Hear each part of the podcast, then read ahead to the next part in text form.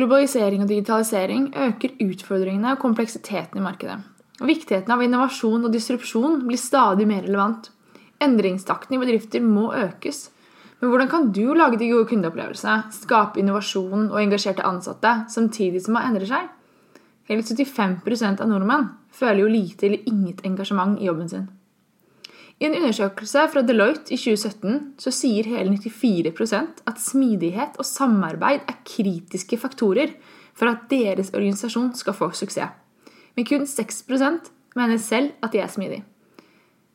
Hva innebærer det egentlig å være en smidig organisasjon? Kan alle organisasjoner bli smidige? Dette og mer ønsker vi å diskutere gjennom Smidigpodden. Vi håper på å finne noen av svarene. Jeg heter Ida. Og jeg heter Tobias. Velkommen til Smidigpodden.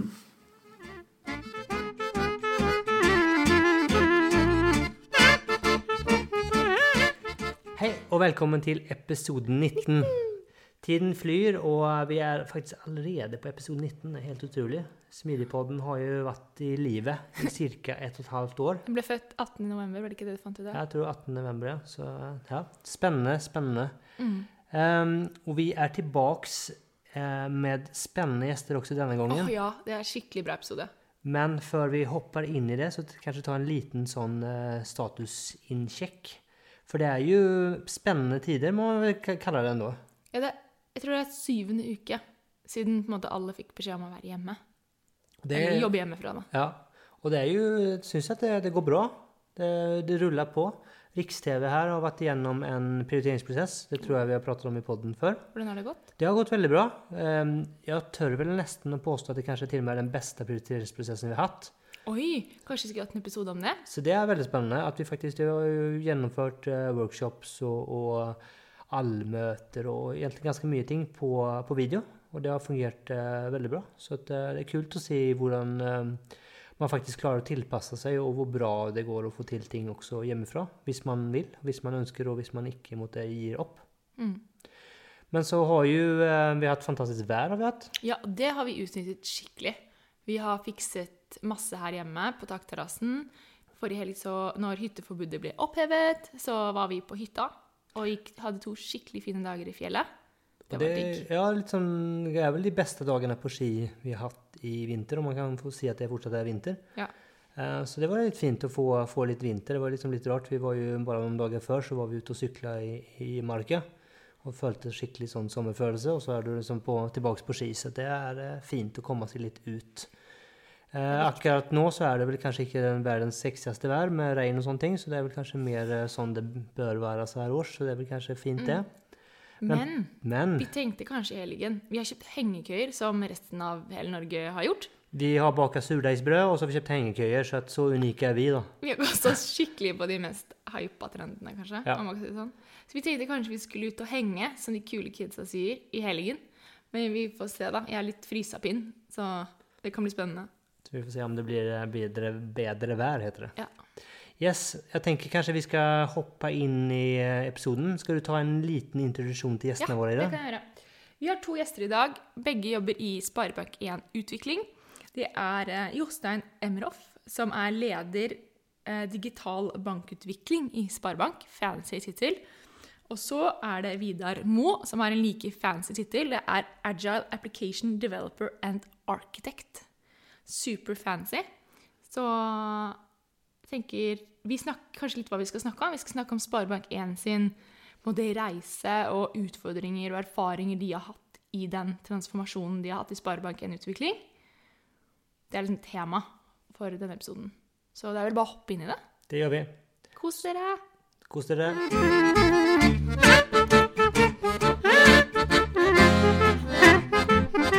har vi to veldig spennende gjester. De er fra Sparebank1 Utvikling, og det er Vidar og Jostein. Velkommen til Smidigpodden. Takk for det. Takk for det. Har dere, har dere lyst til å introdusere dere selv, kanskje? Tenker det er det letteste. Ja, jeg kan begynne. Eh, først, uh, tusen takk for at vi får lov til å være med. Det, det er veldig stas. Vidar Moe heter jeg. Jobber med utvikling, arkitektur og prosess i Sparebank1 Utvikling. Før jeg starta i Sparebank1, så jobba jeg som konsulent innenfor de samme områdene i mange år. Også bl.a. for Sparebank1. Um, og nå har jeg akkurat avrunda et uh, åremål som leder av utvikleravdelinga vår, og jobber nå i oversiktsteamet vårt. Så ja, det er litt om meg. Mm.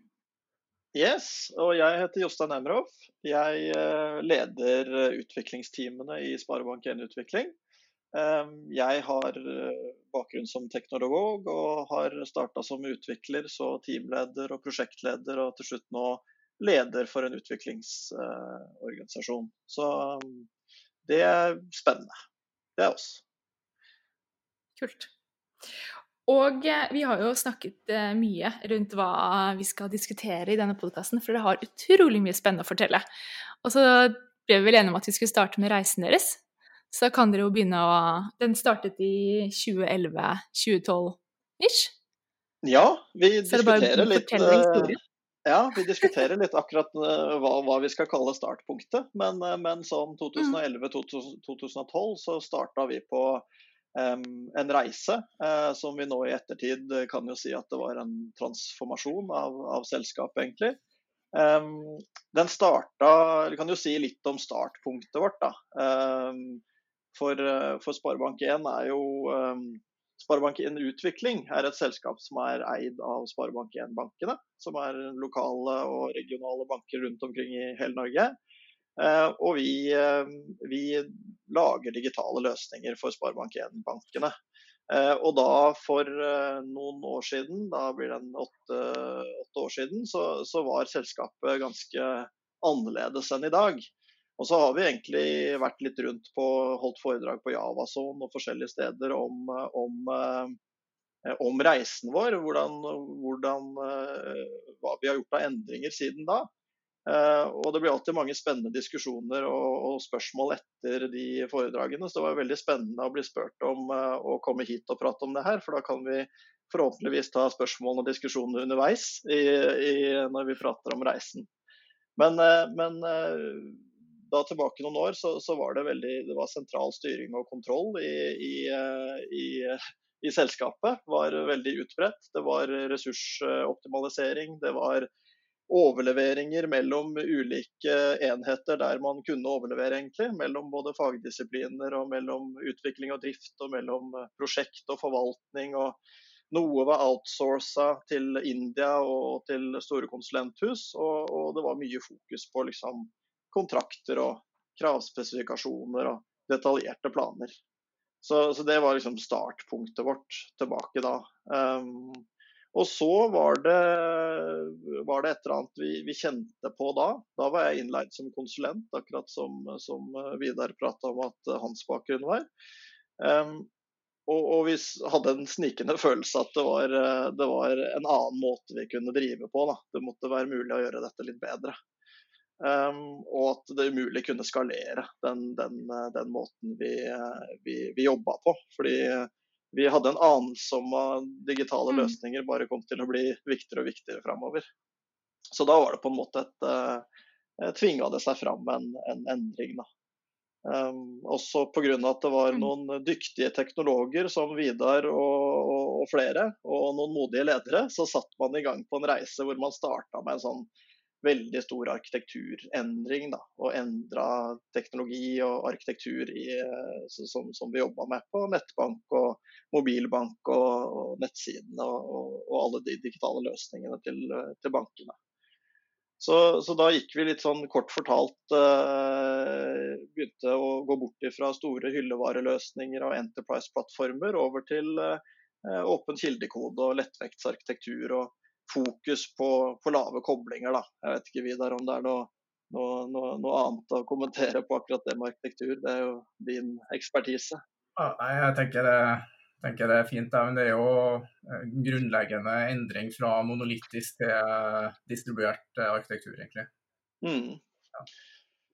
Og for meg som er uh, Var dere like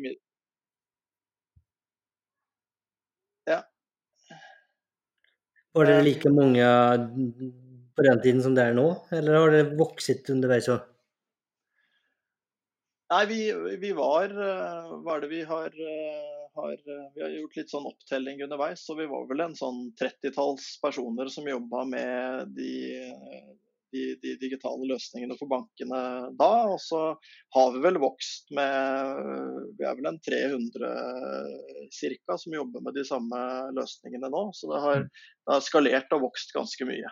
Så det har kommet flere løsninger til mm. siden da. Så, så vi har, hatt en del sånn skaleringsutfordringer også på veien. Så, men når vi gikk, gikk løs på den, den arkitekturendringen, så var jo det så ga det veldig mye muligheter for, for, å, for, å, tenke nytt om hvordan selskapet var organisert, og vi, hvilke prosesser vi hadde, og, og, og egentlig hvordan, hva, hvordan, vi jobba. ble, ble det store endringer på. Da. Så, så vi kunne tenke lean, tenke verdikjeder, eh, tenke på, på eh, å, å, å, organisere oss rundt kundeproblemer og forretnings- og kundeorienterte domener, og ikke organisere oss rundt uh, systemløsninger og sånn. Så det har vært en veldig, veldig spennende reise. Men den mm. største endringen som kanskje har skjedd, har jo vært, på, vært, vært synet på, på, på, mennesker og, og, og team. Um, hvor, uh, hvor, før var det litt sånn fokus på at man skulle fortelle folk akkurat hva de skulle gjøre. Man skulle ha masse sjekklister for å sørge for at man uh, gjorde ting riktig. Og, og man, uh, man, måtte i hvert fall ikke gjøre noe feil, så man hadde masse sikkerhetsnett. Og så er det stor overgang nå til, uh, til at man, man ser det at folk kommer på jobb for å gi verdi og lære og, og, og bidra. Og team kan man jo til og med fortelle hva de skal oppnå. Så kommer de selv eh, opp med, med, med, tiltak og hva som, hva som, bør gjøres. Så Det er jo en, en, veldig stor endring som har skjedd i organisasjonen de, de, de senere årene. Så det er gøy. da. Forholdstallet mellom eh, si, utviklere og ledere har den endret seg underveis òg, eller? Det er jeg faktisk ikke helt Eh, helt sikker på, men, eh, men, vi har jo vært på en insourcingsreise samtidig. Så vi har blitt uh, langt flere ansatte i tekniske roller og i, i roller som bekler de tverrfaglige teamene våre. Da. Det har det en det, det, det, har vokst veldig mye. Mm. For jeg har jo et skrekkeksempel fra min egen, egen, karriere der vi gjorde en liten opptelling der det faktisk viste seg at det var, det var ikke bare det at det var det var mange ledere. Det var faktisk dobbelt så mange ledere som det var utviklere. Så det var Det sier seg selv kanskje at det, at det skjedde ikke så veldig mye. Det var veldig mange som mente veldig mye, men det var veldig få stakkare som faktisk fikk gjort noe.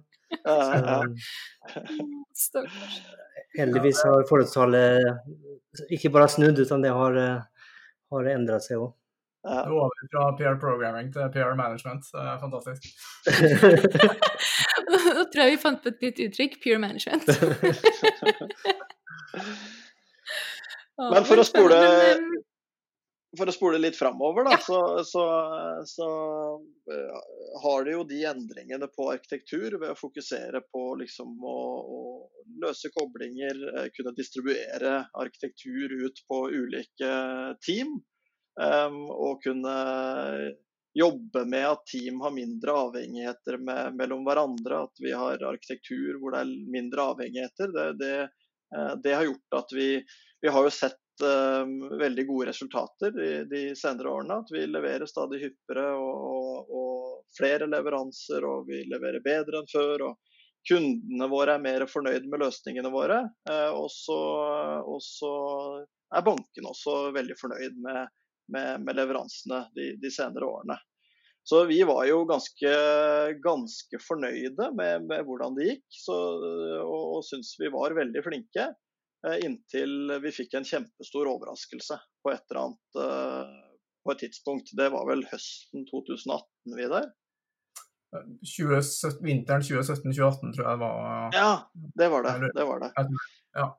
For selv om vi syns vi var uh, utrolig flinke og leverte veldig godt og hadde team som, som, uh, som uh, drev med kontinuerlig leveranse og, og stadig, stadig dundra på, så begynte utviklerne våre å si opp. og det var en veldig stor overraskelse. På, på, på kort tid så var det ganske mange som sa opp. Ja, det var, det var Hva skal man si? Det var, det var, rett og slett en stor overraskelse. Det, mhm. vi, vi, vi, var ikke forberedt på det. Jeg husker vel de tallene Vi var jo ikke så mange faste utviklere den gangen. Så med seks utviklere som sa opp i løpet av seks måneder, så ble det så mye som 24% av alle utviklere forsvant på tolv år. Mm. Så, det, så det, var jo ganske dramatisk for oss eh, den, den, perioden. Så da, da, måtte vi jo finne ut hva som, eh, hva som var årsaken til det. Så, så da, da, gjorde vi litt undersøkelser. Du var jo med på, på begge, begge delene, Vidar. Så du, ja, det. Jeg kan, jeg kan, gå litt inn i, i, det vi gjorde da. da. da. kjørte vi egentlig to parallelle spor. Da dro vi i gang en workshop-serie blant uh, oss utviklerne som var igjen. Og i tillegg så vi en, kjørte vi en A3, da. Det, uh, en A3 er jo en fin måte å kom et godt stykke inn i, i problemet på. Det her er jo en teknikk som stammer fra, fra Toyota. Og det mm. eh, minner meg på at dere var vel eh, bortom det her med å, å drille ned problemdomenet for uh, i den praten dere hadde med Veg Vegard, stemmer ikke det? Vegard Kolbjørnsund? Mm. Ja. Der, der, mener jeg husk på at det var litt, at dere prata litt om viktigheten av å klare å holde seg lenge nok i problemdomenet. Og det mm. Begynner jeg å, å, lete etter løsning. Og akkurat det er denne A3-en veldig fin på. da. Um, mm. Den A3-en eh, vi har, den har åtte punkter, og det er først på det femte punktet at du får lov til å begynne å, å jobbe med, med, løsning. Så den, eh, den, tvinger deg til å, å komme deg et godt stykke inn i problemstillinga. Men var det verktøy og måter altså, Var det her etablert? Hadde dere etablert disse verktøyene og måten å tenke på før dere kom hit, eller var det liksom ren hva, hva gjør vi? Vi hadde, det, vi har brukt eh, A3 i, i, noen år. Eh, den kom, det har kommet i løpet av de siste årene, men sier kanskje vi begynte med det rundt 2014-2015. Eh, da. Men vi, vi hadde iallfall drilla A3-prosessen en del før vi, før vi traff det problemet her. da. Så det var ikke første gangen vi gjorde den, det kan jeg si. Um, men i hvert fall det um, Begge de her to uh, inngangene til å finne ut uh, hva i alle dager som foregikk, uh, kom fram til, til, det samme.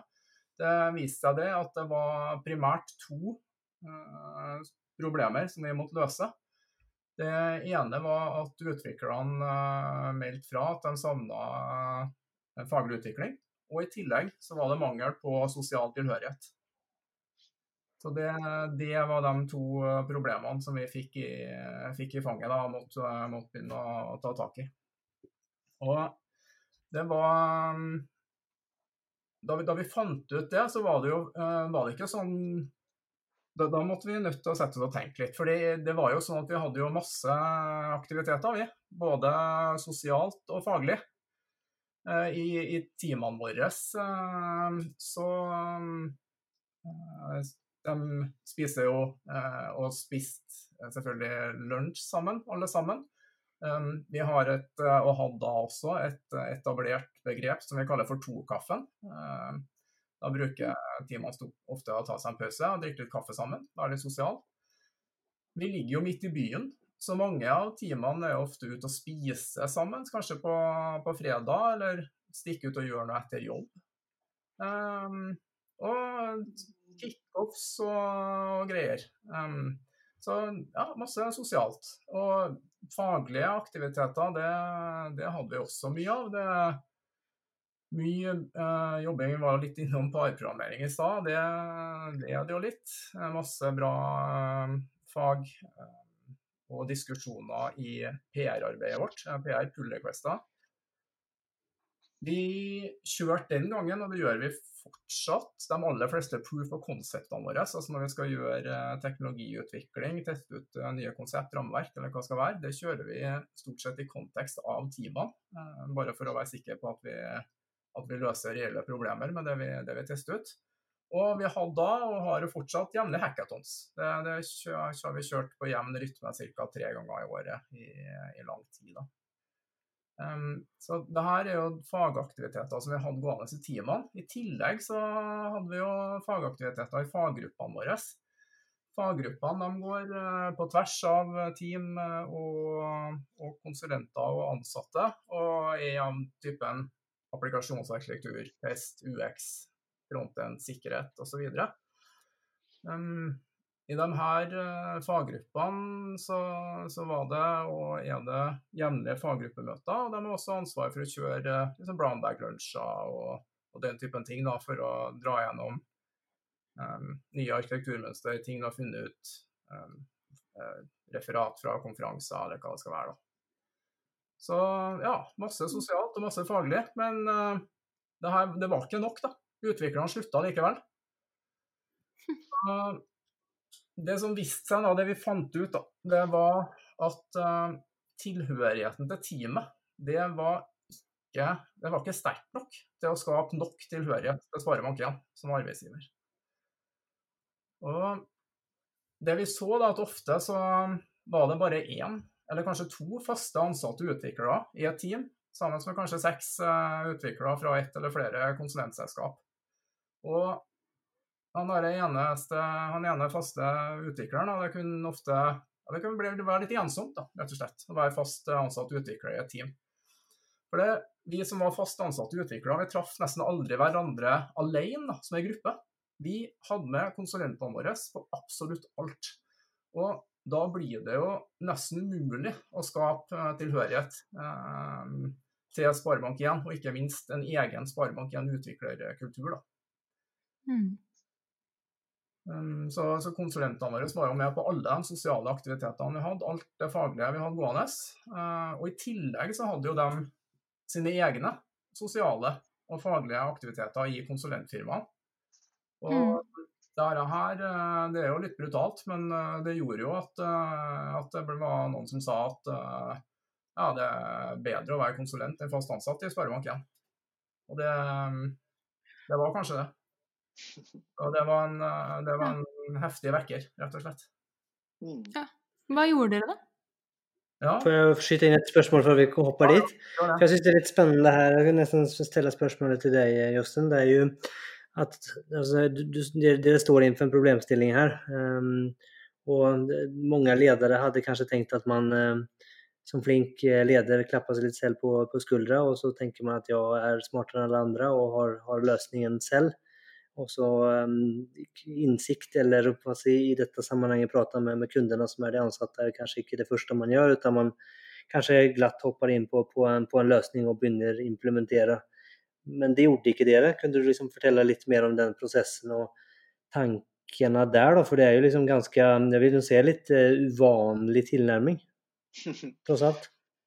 Uh, ja, vi, vi, vi, uh, vi, så jo veldig fort at dette var noe som, som vi vi lederne ikke klarte å fikse. Eh, vi måtte høre på, på hva, hva, de som var hovedpersonene mente. Hva, hva, utviklerne våre mente. Så, så, de var jo veldig sterkt representert i både den A3-en og de workshopene serien de, de, kjørte selv. Og så så vi egentlig at eh, sånn vi var organisert, vi, vi hadde gjennom den eh, de årene vi hadde liksom, eh, lagd teamene, så hadde vi eh, ansatt folk rett inn i, i eh, jeg, jeg, og en annen var ansvarlig for en avdeling, og vi hadde ansatt folk, både testere og utviklere og flere fagdisipliner inn i, i, i den avdelingen. Vi hadde utviklingsteam der, vi drev med insourcing der. Så vi, vi ble på en måte det ble bare på en måte sånn at vi skulle både sørge for at vi hadde kjempegode utviklingsteam, vi skulle være, lage kjempegode fagmiljøer, vi skulle være gode personalledere for disse folkene, og vi skulle drive en offensiv insourcing. og Vi skulle liksom gjøre alt på en gang. da, Og vi innså veldig kjapt at det, det klarte ikke vi å, å, å gjøre. Så vi, vi, måtte rett og slett uh, tenke og endre litt på organiseringen vår. da. Um, og det var da vi, vi, vi rendyrka en sånn klassisk matriseorganisering. Hvor, hvor, man sier at jeg og min avdeling vi har ansvar for, for teamene og de som er best til å ta vare på, på at utviklerne har det bra, det er utviklerne selv. Så, så vi, vi, skilte ut utviklerne i en helt egen avdeling. Og så var vi eh, såpass hyggelige at vi bare ga dem eh, problemet. så, så Vidar, eh, Vidar, du tok jo det på Du og Stian Konradsen som var med på det, tok jo det på, på, på strak arm. Så, så, det var egentlig, egentlig det som var den, den, største endringen vi gjorde for å få ting til å skje. Da. Fordi vi måtte på en måte klare å um, ha to tanker i hodet på en gang. Vi måtte både ha et faglig fokus og sørge for at vi var et tungt fagmiljø. Og så måtte vi på den andre siden ha leveransefokus og sørge for at vi hadde utrolig gode utviklingsteam der vi ikke så, så stor forskjell på om det var ansatte eller konsulenter eller hvor, hvor man kommer fra. Så det var liksom viktig skille for oss å skille og ha liksom den, eh, den matriseorganiseringen, som overhodet ikke er noe nytt. Det er en, en klassisk matrise, men, men, eh, der det før var linje på den ene siden og prosjekter på den andre, så har vi nå da tydelige fagavdelinger som, som, eh, som, mer eller mindre styrer seg selv. Og så har vi eh, kryssfunksjonelle team på den andre delen av matrisen, som, som, som de ulike fagdisiplinene kommer sammen og løser problemer og oppnår målsetninger sammen i, i de kryssfunksjonelle teamene. Så Jeg vet ikke om det, det, var det du var ute etter rundt hvordan vi gikk fram, Tobias. Men det var i hvert fall veldig viktig å ikke løse det selv. Jeg syns det er veldig spennende, for det er også liksom litt, um, litt modig. For man kan vel kanskje til og med si eller argumentere for at uh, dere hadde gjort det veldig bra og veldig riktig, altså teoretisk riktig. Og at man kan vel kanskje til og med argumentere for at det her kanskje er et steg tilbake, eller kanskje for noe liksom uh, hva skal jeg si, gammelt, klassisk, noe som man kanskje har jobbet seg bort fra. Som også mm. er kanskje en spennende ting, en, også en modig ting, da. Uh, og så sier at det, at det fins finns bra i, i, ehm, i vad si, eh, klassiska ting eller gamle ting eller andre måter å tenke på. Og, finne tilbake til det, som jeg syns også er spennende. Ja, vi, vi, omtalte jo denne historien uh, tidligere som 'fagavdelingene er død'. Lenge leve fagavdelingene. For vi har liksom tatt opp igjen uh, noe uh, Det er jo til og med noen fagavdelinger som har liksom overlevd og, og plutselig ble mye mer aktuelle. Så, så, så, vi har på en måte børsta livet av en litt annen enn en, eh, gammel, eller en helt klassisk matrise. Men det er jo noe som er veldig viktig for oss, da, utrolig viktig. Og det er at uh, all kall det produksjon eller alle leveranser ser gjennom de tverrfaglige teamene våre. Um, før var det jo veldig mye handover fram og tilbake mellom både fagavdelinger og mellom eh, den ene og den andre delen av matrisen. Det er jo vi ganske strikte på at det skal jo ikke skje. Så det er bare ett sted vi gjør vel leveranser, og det er i de kryssfunksjonelle teamene våre. Eh, fagavdelingene er på en måte kompetansebyggere og kulturbærere i organisasjonen. Det er liksom de som eh, de, Der vi bygger kultur, og der vi bygger liksom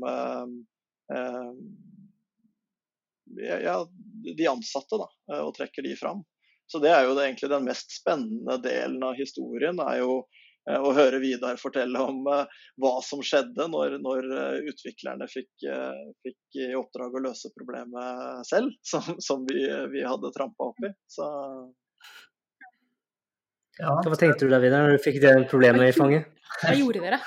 Nei, da, da, gjør vi jo, gjør jo bare det samme som, som Jostein gjorde til meg. Da, da, da trommer vi jo sammen uh, hele gjengen som, uh, som, som, føler på det her. Og så, og så prøver vi å, å jobbe sammen uh, med å, å, komme fram til en løsning. Så vi kjørte vi, vi, Etter at vi har forstått problemet, så fortsatte vi med workshop-serier og kjørte noen workshoper til for å ta fram ta fram tiltak. Eh, for da, da hadde vi problemstillingene. Greit, da, da, kan vi få lov til å begynne å, å tenke på løsning. Og eh, det var jo mange tiltak som kom opp, både i dimensjonen faglig utvikling og dimensjonen sosial tilhørighet. Vi fant et tiltak som vi følte traff i begge dimensjonene på én gang. Så det, det var det tiltaket som, som kom øverst på, på dot-votinga, rett og slett. Og det var et tiltak som vi kalte for fast fagtid sammen den gangen. Ved å um, Altså, vi hadde, vi hadde erkjent det. Vi, vi satt én og to stykker rundt omkring i, uh, i flere og flere kryssfunksjonelle team. Vi traff aldri hverandre. Skal du klare å bygge sosial tilhørighet, så må du være sammen. Det, noen annen måte går det ikke an å, å gjøre det på. Um, nå, nå, sitter vi på, på videokonferanse. Uh, og det, det, kanskje går an, men det, den dimensjonen tenkte vi ikke på da. um, så, da, da var det, så det var veldig viktig for oss å komme sammen, gjøre ting sammen. Begynne å jobbe med en, uh, jobbe med en, en kultur uh, og finne ut av hvem vi skulle være, rett og slett sammen. Og, og ved å gjøre det med fag, så treffer vi også den andre dimensjonen. Så, så dermed så ble det, ble det fast fagtid sammen. Og når det, når det, skal være fast, da, eh, vi har blitt enige med oss sjøl om det, så betyr jo det at det skal være på en rytme. Så, så vi jobba jo litt med å tenke ut uh, hva den rytmen skal være. Men det er klart, vi, vi satt jo i en situasjon der altså 24 av utviklerne har sagt opp. Så, så her, uh, her, går det ikke an å, å bare prøve litt. Uh, her må vi dra på, måtte vi dra på ordentlig hvis vi skulle skulle tro at det virkelig her, her skulle ha noe effekt. Da. Så da, da landa vi på én dag i uka. Det, det tenkte vi at det, det, det, må til for at vi skal, skal klare å, å, håndtere denne uh, utfordringa. Trodde, trodde dere at de fikk lov til det? Nei. Eller var det sånn at vi, vi sier en dag, så håper vi at vi får en, en dag i, i måneden i stedet for en dag i uka? Vi var ganske sikre på at um, for å oppnå det vi hadde lyst til å oppnå, bl.a. gjøre en del reell eh, teknologiutvikling, altså bruke denne dagen til bl.a. det, så, så, må vi nødt til å ha en frekvens som minimum én gang i uka. Så vi, vi mente alvor med den. Det var ikke eh, en sånn eh, bargaining-variant eh, som, som der. Um, men det er klart at uh, vi visste jo at dette var stretch. Så uh, da vi, uh, vi, var forberedt på den reaksjonen som vi fikk absolutt overalt når når vi og, og, flere med oss, Jostein bl.a., var jo med og gjorde innsalget eh, på det her til, til alle de ledergruppene som du må igjennom. I, i Men jeg, jeg, hadde jo den samme reaksjonen først, jeg også, da. Ja, ja, ja, Hva var reaksjonen, da? Den, den, var rett og slett Er du helt tullete? Det, det er en hel dag i uka. Skal vi, skal vi redusere eh, produktiviteten med 20% nå, eller? Den reaksjonen den kom vel fra nøyaktig 100 av dem som ble utsatt for, uh, utsatt for det her, tror jeg. Og da, I og med at vi, vi var forberedt på det, så, så, hadde vi jo tenkt litt nøye gjennom dette her og, uh, og, og lagt opp uh, en liten forklaring på hvorfor regnestykket kanskje ikke ser helt sånn ut. da. Og um, det, det som er kanskje enklest å forstå, er jo det rene økonomiske argumentet. Det å miste Eh, flere og flere ansatte. Og erstatte dem med konsulenter som i hvert fall for oss eh, er, er dyrere. I tillegg til kompetansetapet, som du også kan regne over i penger. Så det er klart at, eh, at, at det, det, å holde på sånn som vi gjorde, da, det at bare flere og flere forsvant ut, det, det er veldig dyrt. Og det var jo en tid hvor vi fikk ganske vi var, Det var ganske enighet i organisasjonen om at vi skulle insource ganske kraftig. Så, så da når pilene gikk feil vei, eh, når ja. vi hadde en eh, uttalt insourcing-strategi, det, det, var vondt, da. I, I, tillegg til det så, så, var det jo sånn at uh, veldig mye av det arbeidet som vi hadde tenkt uh, å jobbe med på, på fagdagen, det gjorde vi jo allerede bare med avbrudd og spredd utover uh, alle de fem dagene i uka som, eh, som vi har til rådighet. Det ved å få samla de her aktivitetene. Og det, det, er sånne ting som tekniske workshops, jobbing med foredrag og konferanser, rekrutteringsarbeid. Dette her var jo ting som vi holdt på med likevel. Det å få, få flytta det bort fra de fem dagene og inn på én dag i uka, sånn at du kan få flyt. da, Både i de fire andre dagene i uka hvor du jobber med, i teamet ditt, og flyt i fagarbeidet, så, så blir regnestykket ganske annerledes. da. Det var jo en, eh, en sak til som vi var, var bekymra for, og det var jo ja vel, hva vil alle de andre si? Skal alle eh, fagavdelingene våre uh, ha én dag i uka med fagdag nå, da? Um, eller, eller, blir det misunnelse hvis at vi, uh, vi utviklerne plutselig får det? Vi, um, vi tok med oss denne historien som jeg, som jeg deler nå, og, og prata med, med, de andre faggruppene. og Da viste det seg jo ganske raskt at det var ingen andre som satt i den situasjonen vi satt i. Og dermed så slo ikke det her misunnelsesargumentet til, egentlig. Mm. Så um, så med den her, jeg vet ikke hvor mange ganger hvor mange du måtte prate med Jostein for å få, for å få eh, solgt det her inn, men eh, vi, vi brukte vel et par måneder på det, kanskje, i organisasjonen der. Og så fikk vi go til slutt, da husker jeg jo i eh, rett før jul i 2018. Da... Jeg, jeg, lærte litt om hvor, hvor, mange ledergrupper som var i organisasjonen, da, som man, ja. uh, man måtte innom. Men, uh, men, det var jo det var jo, um, det var jo ved å liksom sy sammen historien. Og, og, det som var veldig fint med det, var at man, man fra, for, for, fra liksom forvente litt sånn kritiske spørsmål hvorfor, hvorfor skal dere gjøre dette, så var det mer en sånn Eh, og herregud, vi må jo beholde de dyktige folkene våre, og vi må jo være attraktive for flere. Hva, hva kan vi gjøre? Så klart vi skal gjøre dette her. Så det var mer en sånn derre eh, Vi fikk mer heiarop enn vi fikk kritiske spørsmål. Da. Så, og så, selv om vi, vi, vi opplevde den, eh, den, fikk den eh, overraskelsen her, så, så, var det jo sånn på andre områder så hadde vi jo høy tillit i organisasjonen, at vi leverte godt. Så, så det nøt vi litt godt av her også. At vi, vi, vi hadde levert godt over tid, og da, da, var det større forståelse for å komme med et sånt uh,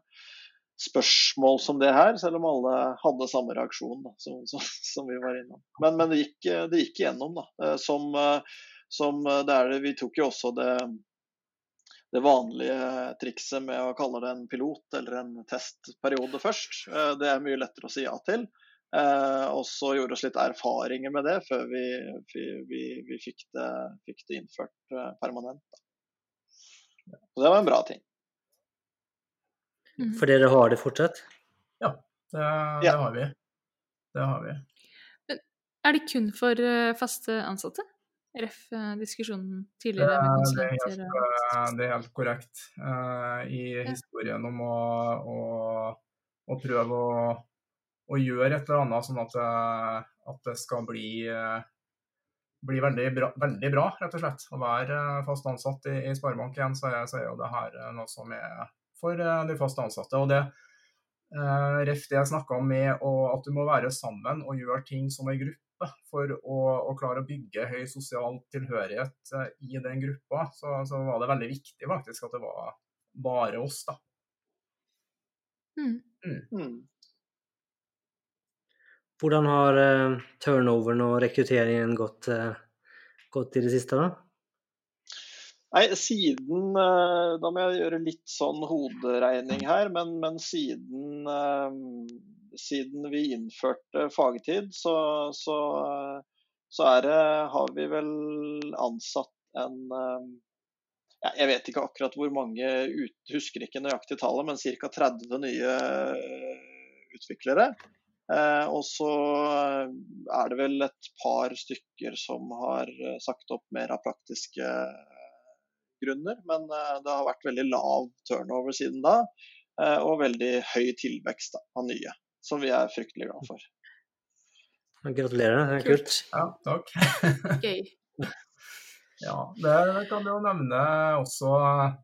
For det, det er klart at det, det, var, det, var mye, det har vært mye læring gjennom denne prosessen. og det når vi fikk go for det her, da, så, så, følte vi jo at vi hadde god kontroll på, på den faglige biten. Eh, hvordan vi skulle, vi skulle, jobbe godt med fag og ha gode fagaktiviteter som vi kunne fylle de her fagdagene med. Det, det følte vi var ganske lett.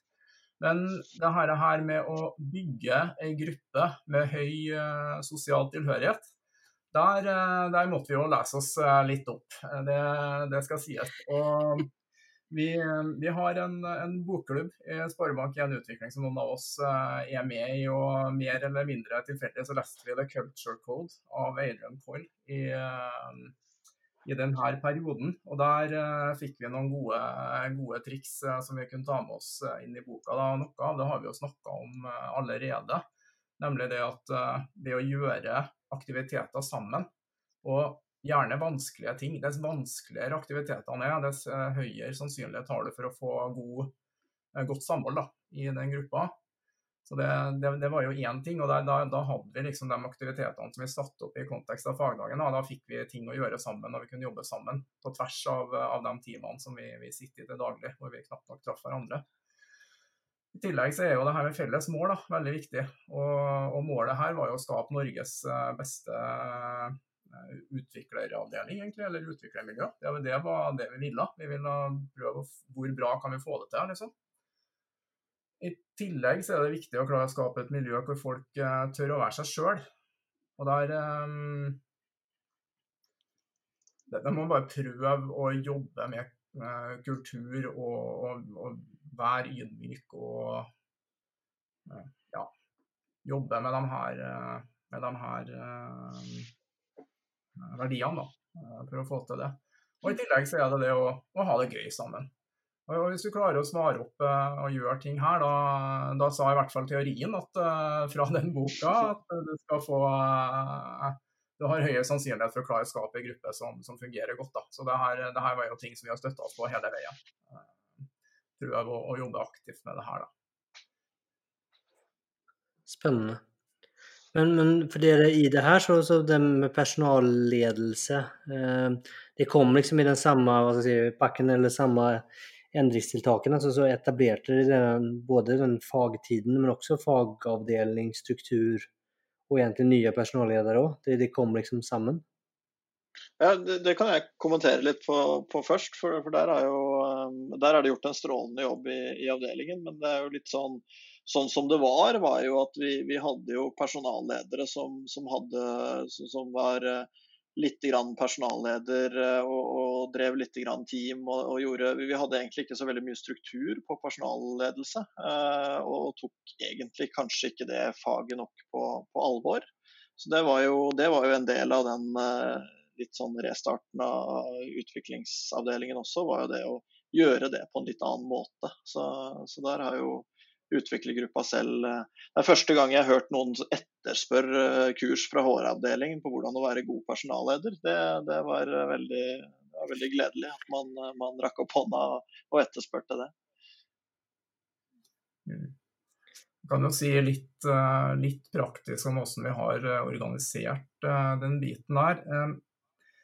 Vi dro i gang tre gjenger, har vi egentlig kalt det, når vi, vi etablerte fagavdeling for utvikling. Og det var en faggjeng som har spesielt ansvar for eh, de faglige aktivitetene. En sosial gjeng som har spesielt ansvar for de sosiale aktivitetene. Og så har vi en personalansvarlig gjeng som er dem av oss som, eh, som har eh, personalansvar. Og det vi har vært prøvd å ha veldig fokus på, det, det har vi klart. da, Det er å holde antall utviklere du kan ha personalansvar for eh, på en maksimumsgrense på fem stykker. Og Det er jo fordi at du skal både kunne gjøre bra personalledelse, men samtidig også være utvikler. Det, for det, det, er det vi har lyst til å oppnå. Det, det skal ikke være enten-eller hos oss. Du, eh, du, skal kunne gjøre en god jobb på begge. da. Så, um, så, vi som er i den personalansvarliggjengen, vi har jo brukt en god del fagdagtid på å jobbe både med denne verdiene som jeg snakka om i stad, men også uh, tatt fram og forbedra rekrutteringsopplegget vårt, og ikke minst tatt fram vårt helt eget opplegg for utviklingssamtaler for utviklere. For der, der, finnes det jo uh, system og, og maler og opplegg sentralt fra HR, men vi vi så at vi kunne ta utgangspunkt i det og så spisse det litt da, til, til vår hverdag og det, det, som er viktig for oss. gitt egentlig mye den, den historien som, er, som, vi har delt her nå. Um, ja, det, og, det, og det er HR-kurs, lederkurs og den slags også, da, som vi kan, vi kan ta. Det syns jeg er veldig spennende, for at det er mange selskaper som både vi har vært i kontakt med i podden, eller som man, man hører om andre steder, så er det just personalbiten så er ofte den som er veldig ulik. da. At det er liksom, man, Selskapet velger å løse den veldig forskjellig. da.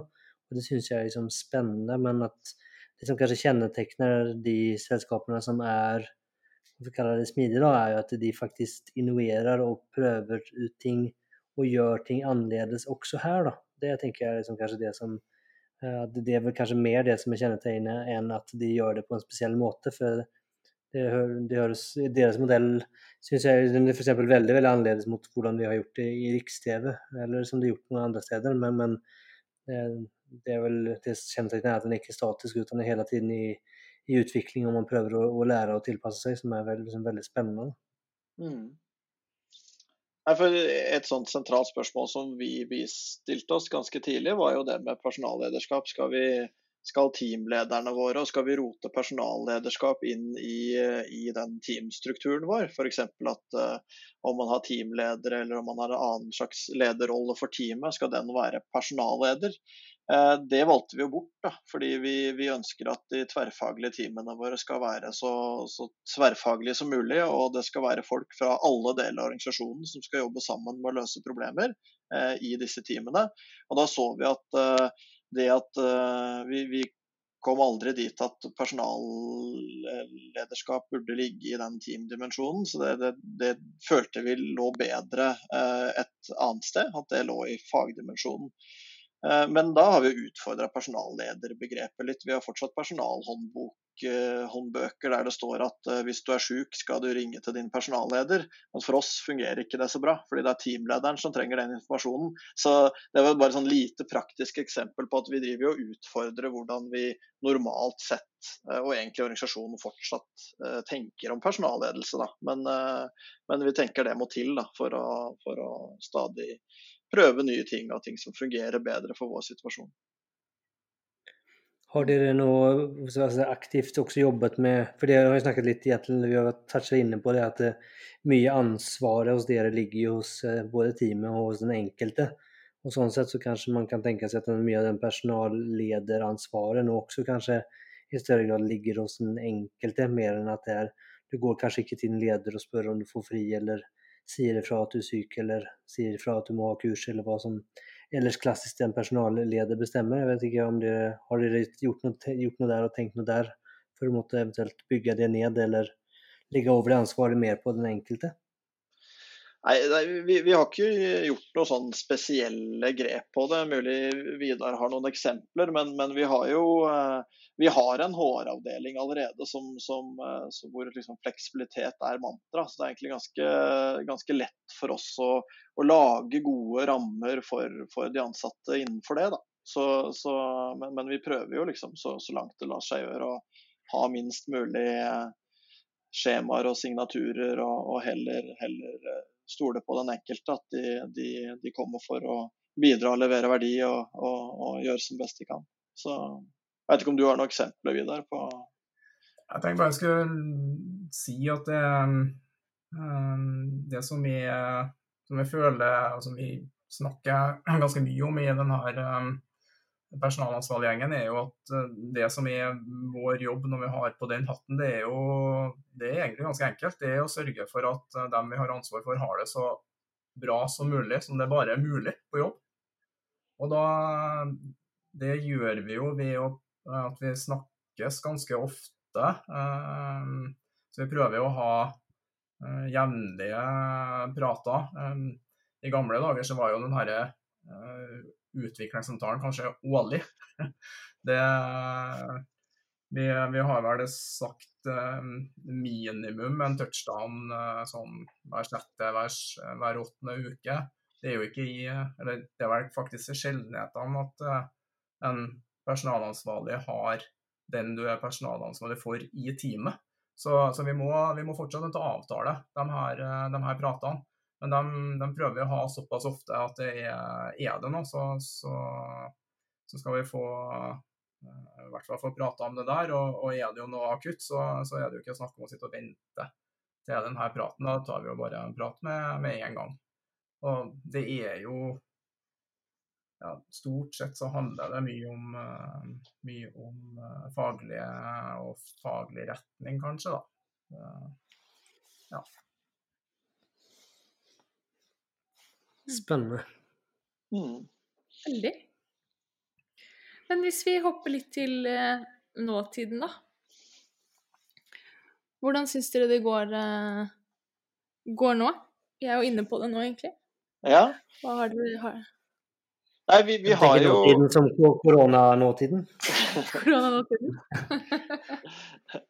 Nei, vi, vi, har jo nå Eller nåtiden er litt spesiell med, med at vi nå også vi, vi sitter på, på hjemmekontor og, og, spiller inn dette her. Men, men eh, det, det, sånn generelt da, så har vi jo eh, kjørt eh, eh, kjørt i ett og et halvt år med, med en, eh, en, egen avdeling hvor utviklerne selv styrer. Og, og, og, og, hvor vi har kjørt en sånn veldig rendyrka matrise hvor, hvor, vi har en rekke fagavdelinger. Vi har jo ikke bare utviklerfagavdelingen, vi har design og vi har prosjektledelse og vi har arkitektur og andre sånne fagavdelinger. Så er det som har, vi, vi har lært mye av eh, det siste ett og et halvt året, hvordan, hvordan det fungerer. Da. Og der har vi jo liksom erfart litt at eh, det er en del kan, man kan fort gå tilbake til litt uh, gamle synder hvor, hvor uh, man kanskje ønsker å løse litt i fagavdelingen. Og, og, og, så lenge vi løser det her, sitter og låser oss inne her og løser det, så, så, så er det bedre enn å ta de, de tverrfaglige timene. Det er jo en fare som man må passe på. Og så er jo den Det er kanskje den, den som jeg syns er, er viktigst, det er jo den hvis det, hvis eh, det å, å bygge fag og, og, ha et eh, godt faglig miljø blir viktigere enn det å levere, da er vi jo litt ute å kjøre. Så, så det var noen som foreslo at vi burde liksom eh, låne mottoet til, til, Bring med at vi, vi, lever for å levere. For det er jo faktisk det vi gjør. Det er det, er det som er oppgaven vår. Så, så, så det, det, har vi jo kjent litt på. At vi må, vi må aldri glemme at det er teamene som er motoren vår. Og hvis det er eh, hektisk i noen team eller et eller annet som hvis, vi, hvis, hvis teamene trenger, trenger, det, så skal vi, skal vi, prioritere det. Men det er vel sånn at man har greid å holde ganske godt på den fagtiden, er ikke det, Vidar? Det er ikke mange som ikke har fått, uh, fått, fått vært med på det? Nei, det, vi har jo kjørt, vi har kjørt målinger hele veien. Superenkel måling. to spørsmål én gang i måneden gjennom uh, snart ett og et halvt år. Og de spørsmålene er rett og slett hvor fornøyd er du med det sosiale blant utviklerne? Og hvor fornøyd er du med det faglige blant utviklerne? Én til fem. Og um, med denne uh, superenkle undersøkelsen har vi hatt veldig god track på, på hvordan, egentlig, hvordan egentlig har det her gått. Og det, det, var jo spesielt viktig de første seks månedene da vi var i den prøveperioden, for å, å vite eh, og, og, virkelig kunne se at det her fungerer. Da. Og det, heldigvis så gjorde det jo det. Men eh, til vår eh, glede så fikk vi jo tallene enda høyere opp eh, i løpet av eh, den seksmånedersperioden som kom etterpå. Så, så, det har jo fungert godt. Og det, Um, lurer, alle lurer sikkert litt på hvordan går det akkurat nå. Vi har fått en liten dipp uh, nå uh, når vi, uh, i de mm. siste, den siste målinga. Mm. og det, det, er jo ikke så unaturlig. Det blir ikke så mye fagsamlinger sammen nå for tiden? Nei, altså det er klart det, deler av det vi har Den, den fysiske dimensjonen den, den, er jo borte. Men vi har også kjørt jevnlige heldagsaktiviteter for alle utviklerne sammen. F.eks. Eh, heldags kodekata. Eh, vi hadde en sånn fysisk visualisering hack-dag i slutten av, eh, av, oktober, hvor det var masse lodding og LED-display og masse gøy. Denne typen ting det, det får vi ikke gjort nå. Så så vi er på gang med en heldagsaktivitet uh, for alle utviklerne nå som vi skal gjøre digitalt. Men uh, vi, vi, ikke, vi, vet ikke hva det blir ennå. Så ja. Mm, for dere har jo vært Det er litt inne på det egentlig jeg har lyst til å spørre dere om, at dere har jo vært på en ganske lang og viktig og stor reise. Og hvordan tror dere det har hjulpet dere i den situasjonen vi er i nå, da, med korona? Um, nei, det, det, som Det med å, at vi har både på uh, at vi, vi, har jobba veldig aktivt for, for, å ha disse autonome og tverrfaglige teamene som, som har sine mål og, og, jobber veldig godt sammen for å, å, å, nå de målene. Det har vært en, en styrke for oss. At vi, vi har jobba med vi har jobba med målstyring, så teamene skal vite hvilken retning de skal gå og hva de skal strekke seg etter. Og så har vi jobba med, med, autonomi i teamene, sånn at man ikke trenger masse bestillinger både hit og dit, eller avklaringer hit og dit, eller spørre om lov hit og dit. Da, da er det en mer fokusert gruppe som trenger å jobbe sammen for å levere verdi. Og nå har jeg ingen bevis for det, men jeg regner jo med at det er en gunstig ting når det gjelder det å, i den perioden vi har vært i. At uh, det er bedre at uh, så lenge det er 10-12 personer som, som uh, jobber tett sammen, så greier vi å levere. Snarere enn at halve organisasjonen må være involvert for at vi skal levere noe. Da, da, vil det være mer krevende, mm. tenker jeg da. Men, men som sagt, vi, vi, vet jo ikke det. Vi får tilbakemelding fra teamene at de er fornøyd med, med, med at, at de, det er ikke optimalt, men de er fornøyd med, med situasjonen og hvordan det går. Um, men jeg har ikke noe, liksom, noe, noe, noe, mer tall på det, eller noe sånt, men det virker ganske greit. Altså. Det gjør det. Og jeg tror vi um, jeg, jeg, tror det har hjulpet oss veldig, da. Mm kan uh, dele to refleksjoner rundt det. Det ene er rundt, uh, rundt, målstyring. Det tror jeg er ekstra viktig i den uh, situasjonen vi sitter i nå. At, at, det er veldig klart hva teamene skal jobbe med. Um, det, vi er jo ikke i en situasjon hvor vi ikke har det, så det er litt sånn vanskelig å synse for mye om hvordan det føles. Så her blir det litt sånn litt synsing, merker jeg. Men det, det at at det er, at det er struktur, strukturert godt, og at det er klart, gjør det enklere å, å, å få en sånn um, Hva skal man kalle det? En, en dytt eller et problem, eller hva vi skal kalle det, som, som denne koronasituasjonen faktisk er. da. Det, mm. det jeg, altså, tydelige mål tror jeg hjelper oss i denne situasjonen. Den andre tingen er som jeg tenkte på, var det her med at teamene er autonome, at vi har få flaskehalser. Uh, og at vi, at vi, kan sitte og, og, gjøre Bare ta noe helt konkret. da, Gjøre produksjon, produksjonssettinga veldig lett hjemmefra, rett og slett. At, at de verktøyene er der. Mm. Det, det, det, det, styrker oss, styrker oss nå. Mm. Kult. Så bra. Nå har vi snakket i nesten, nesten en time, dere. Så jeg tror vi prøver å komme oss til de siste fem spørsmålene. Men det har vært utrolig spennende, egentlig. Så ville man bare fortsette og fortsette og fortsette. Men jeg tror vi tar de fem siste spørsmålene, hvis dere er klare for det? Ja da. Ja, vi har forberedt begge. Så... Får, du to, får, du to, svar på, på alle? Oi, det er perfekt. Det er kjempebra. Så hvis vi starter med toppen, da. Hva ville dere fortalt eh, 20 år gamle dere selv? Vidar får starte. Jeg begynner. Ja. Mm. Um, ville ha fortalt en historie til meg sjøl uh, som forteller litt uh, om atferdspsykologi, tror jeg. Det, det, er ting som jeg ikke visste noe om da jeg var 20 år, men uh, jeg syns det er veldig interessant nå. Og det er nyttig for å forstå i hvert fall litt da, hvorfor folk er som de er og gjør som de gjør. Mm. Ehm, jeg ville bl.a. Uh, sagt at uh, når Bill Gates om noen år begynner å prate om at vi skal ta pandemier på alvor, så, så må vi høre på han. Det, det, ville, det, tror jeg jeg ville det tror jeg jeg ville sagt. Og investert i noe sånn Hva er det heter for noe sånn overalls som de har på sykehus?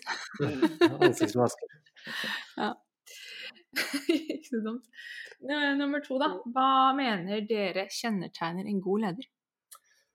Ja, da, Skal vi Jeg merker at jeg sånn, sitter i glasshus og skal beskrive det her, så det her blir å prøve å beskrive hva han Gunstein får bare lukke ørene. Ja, litt for meg sjøl òg. Det er sånn hva, hva er det jeg prøver å oppnå? Nei, det er Ikke sant?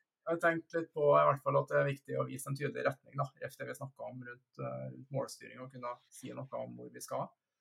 Um, jeg har jo vært innom det her tight lose tight-prinsippet tidligere i, i poden. Eh, så det, det, er mye bra der. Mm. Det er best mulig til rette for at eh, dem du leder, har det så bra som mulig. Eh, og da, da skaper du også best mulig forutsetninger for at de skal gjøre arbeidet sitt på en god måte, tenker jeg. Mm. Det siste som jeg tenkte å ta med, var at uh, i størst mulig grad prøve å speile de verdiene som du vil at, uh, at kulturen din og organisasjonen din skal ha sjøl. Det, det, tror jeg er viktig. Mm. Uh, jeg har noe av de samme tingene. Vi har, har ikke, vi har ikke samkjørt det, men det var, det var, litt det samme som gikk igjen. Jeg er veldig på det med at liksom, uh, man som leder må, må, vite hvor man vil, da. Hvor man skal. og, og ikke ikke si så mye om eh, akkurat eh, hvordan man skal få det til, for da må man ha store ører og, og, høre på folkene sine. Men både greie å fortelle hvor man vil, og greie å høre på folk og kommunisere eh, den retningen og, og, hva vi sammen skal oppnå. Det, det tenker jeg er, det er viktige ting. Mm. Så skal vi se, spørsmål nummer tre. Hva vil dere gi som tips til de som ønsker å etablere en mer smidig kultur?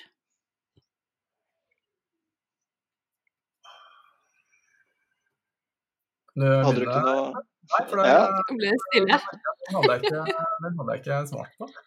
Å ja, jeg kan svare, jeg. jeg ehm, for um, den satt jeg og tenkte litt på. Og så, og så var det liksom smidig kultur, smidig organisasjon. Jeg, jeg, det jeg registrerer at en, en, del, um, en del, hopper over, da, som, som har, har, vært veldig viktig for oss, er å, å virkelig um, lese en del om lean og, og, viktigheten av lean når man jobber med å strukturere opp organisasjonen. At man, man tenker ofte at uh, så lenge vi sier at vi har noe kryssfunksjonelle team og setter fra, sammen noen personer i et, et tverrfaglig team, så, så går det bra.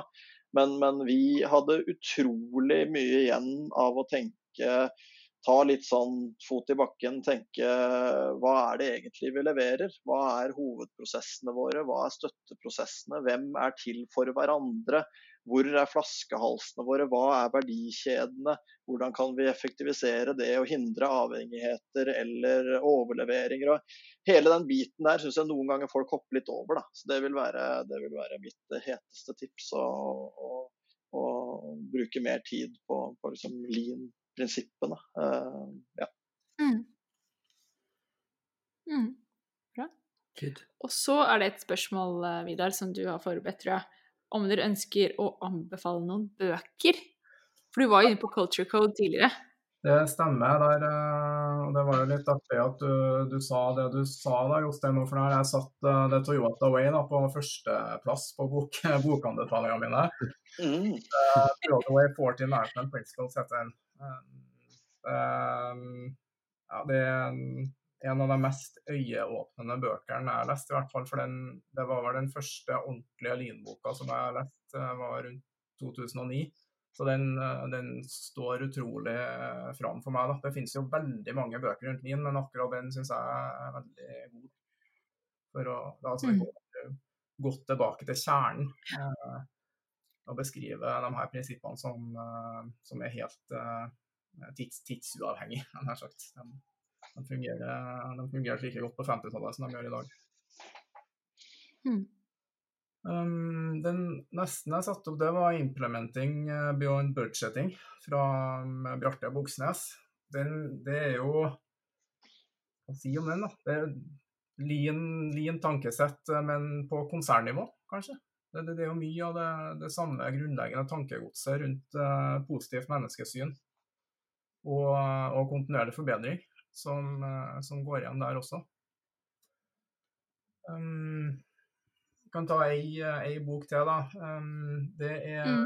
litt annen bok. Det er en biografi, 'Creativity Inc', av Ed Catmull. Han uh, datagrafikkprogrammereren som ble leder for Pixar og senere uh, Disney Animation Studios. Det er en fantastisk uh, bok, syns jeg, om hans, hans, reise. Og hvordan han har klart å skape, klart å skape en kultur da, som optimaliserer for kreativt arbeid på veldig høyt nivå over, over mange år. Så jeg syns den boka er veldig fin. Mm. Kanskje det ja, jeg har den, jeg har den, men ikke resten. Kanskje det blir neste bok, da.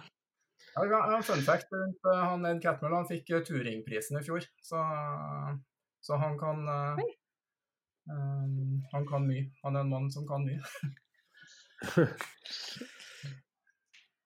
yes. Justen? Jeg har tre, tre, tre, bøker, jeg også, som, som er liksom ikke de uh, det er vel en litt klassiker der, kan man kanskje kalle det. Men det er i hvert fall tre bøker som har endra ganske mye på hvordan vi gjør ting eh, hos oss nå. Da. Eh, fordi vi har jo eh, vi har jobba mye med å innføre målstyring, og mener det liksom Skal vi ha eh, reelt sett autonome team, så, så, så, må vi bli mye bedre på målstyring, har vi innsett. Så, så vi har jo lest uh, 'Measure What Matters' um, av John Dorr, for, for uh, og har begynt å komme et, et stykke på, på innføring av OKR, uh, Objectives and Key Results. Um, og så har vi gjort ganske store endringer i mange team på hvordan vi gjennomfører møter. Uh, så vi, Det var etter at vi leste 'Death by Meetings' uh, av Det er vel Patrick Lencioni han heter. Uh, fare for at jeg sa det feil, men det er, det er veldig interessant bok, og bok om man, hvilke møter man har i, i hverdagen. Og så er det 'Radical Focus' uh, av Kristina uh, Wotke, heter vel hun, som også er en bok vi har, um, har brukt for å, for å, få mål til å bli noe man blir enige om på et eller annet tidspunkt, og så legger man den litt vekk, og så tenker man ikke så mye mer over det før man skal ha en sesjon hvor man kommer opp med noen nye mål, men, men snarere har en sånn radikalt fokus på mål. At man man, man, eh, man, bruker veldig mye tid og krefter og, og hyppig eh, fokus på målene. Så, så, De tre bøkene har vært veldig viktige for oss nå det siste året. På rett og slett endringer vi har gjort i organisasjonen. Da var det mye Mye bra. Mye, mye bra å lese. Mye vi kan lese oss. Hvis vi tar siste spørsmål, da, og det er hvis man ønsker å komme i kontakt med dere, hvordan gjør man det? Eller kanskje man skal følge dere på sosiale medier? Mm, der, um, der, har vi jo um, mediumbloggen vår. Den uh, kan vi jo nevne. Den, den finner vel lettest ved å google Sparebank1 digital, eller gå inn på Sparebank1 dev. Der uh, blogger jeg litt med, med ujevne mellomrom. Um, mm. E-postadressene er rett fram. Det er vidar.moe eller Jostein Emerhoff sparebank1.no. Um, ja. Av, uh, av, uh, av, sosiale medier så må jeg si det er LinkedIn jeg kanskje bruker mest tid på. Så søk opp Jostein Emmerhoff på LinkedIn er nok det, det heteste tipset for, for, min del, i hvert fall. da fin, finner du meg. Der kommer det ganske mye bra fra begge deler, begge dere, må jeg si. Det er alltid spennende ting dere poster. Ja, takk for det. Så det kan jeg, kan jeg anbefale. Så bra. Da tenker jeg vi runder av. Ja. Tusen takk for at dere ville komme.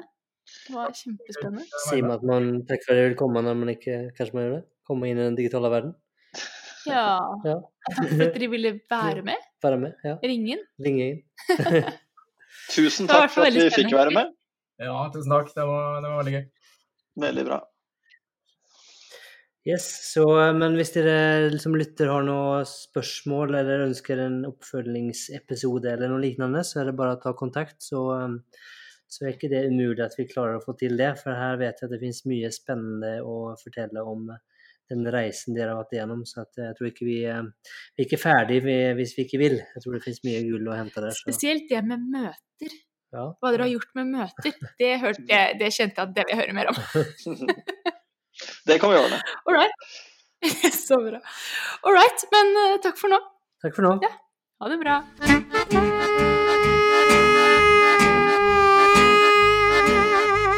Det var en kjempespennende prat.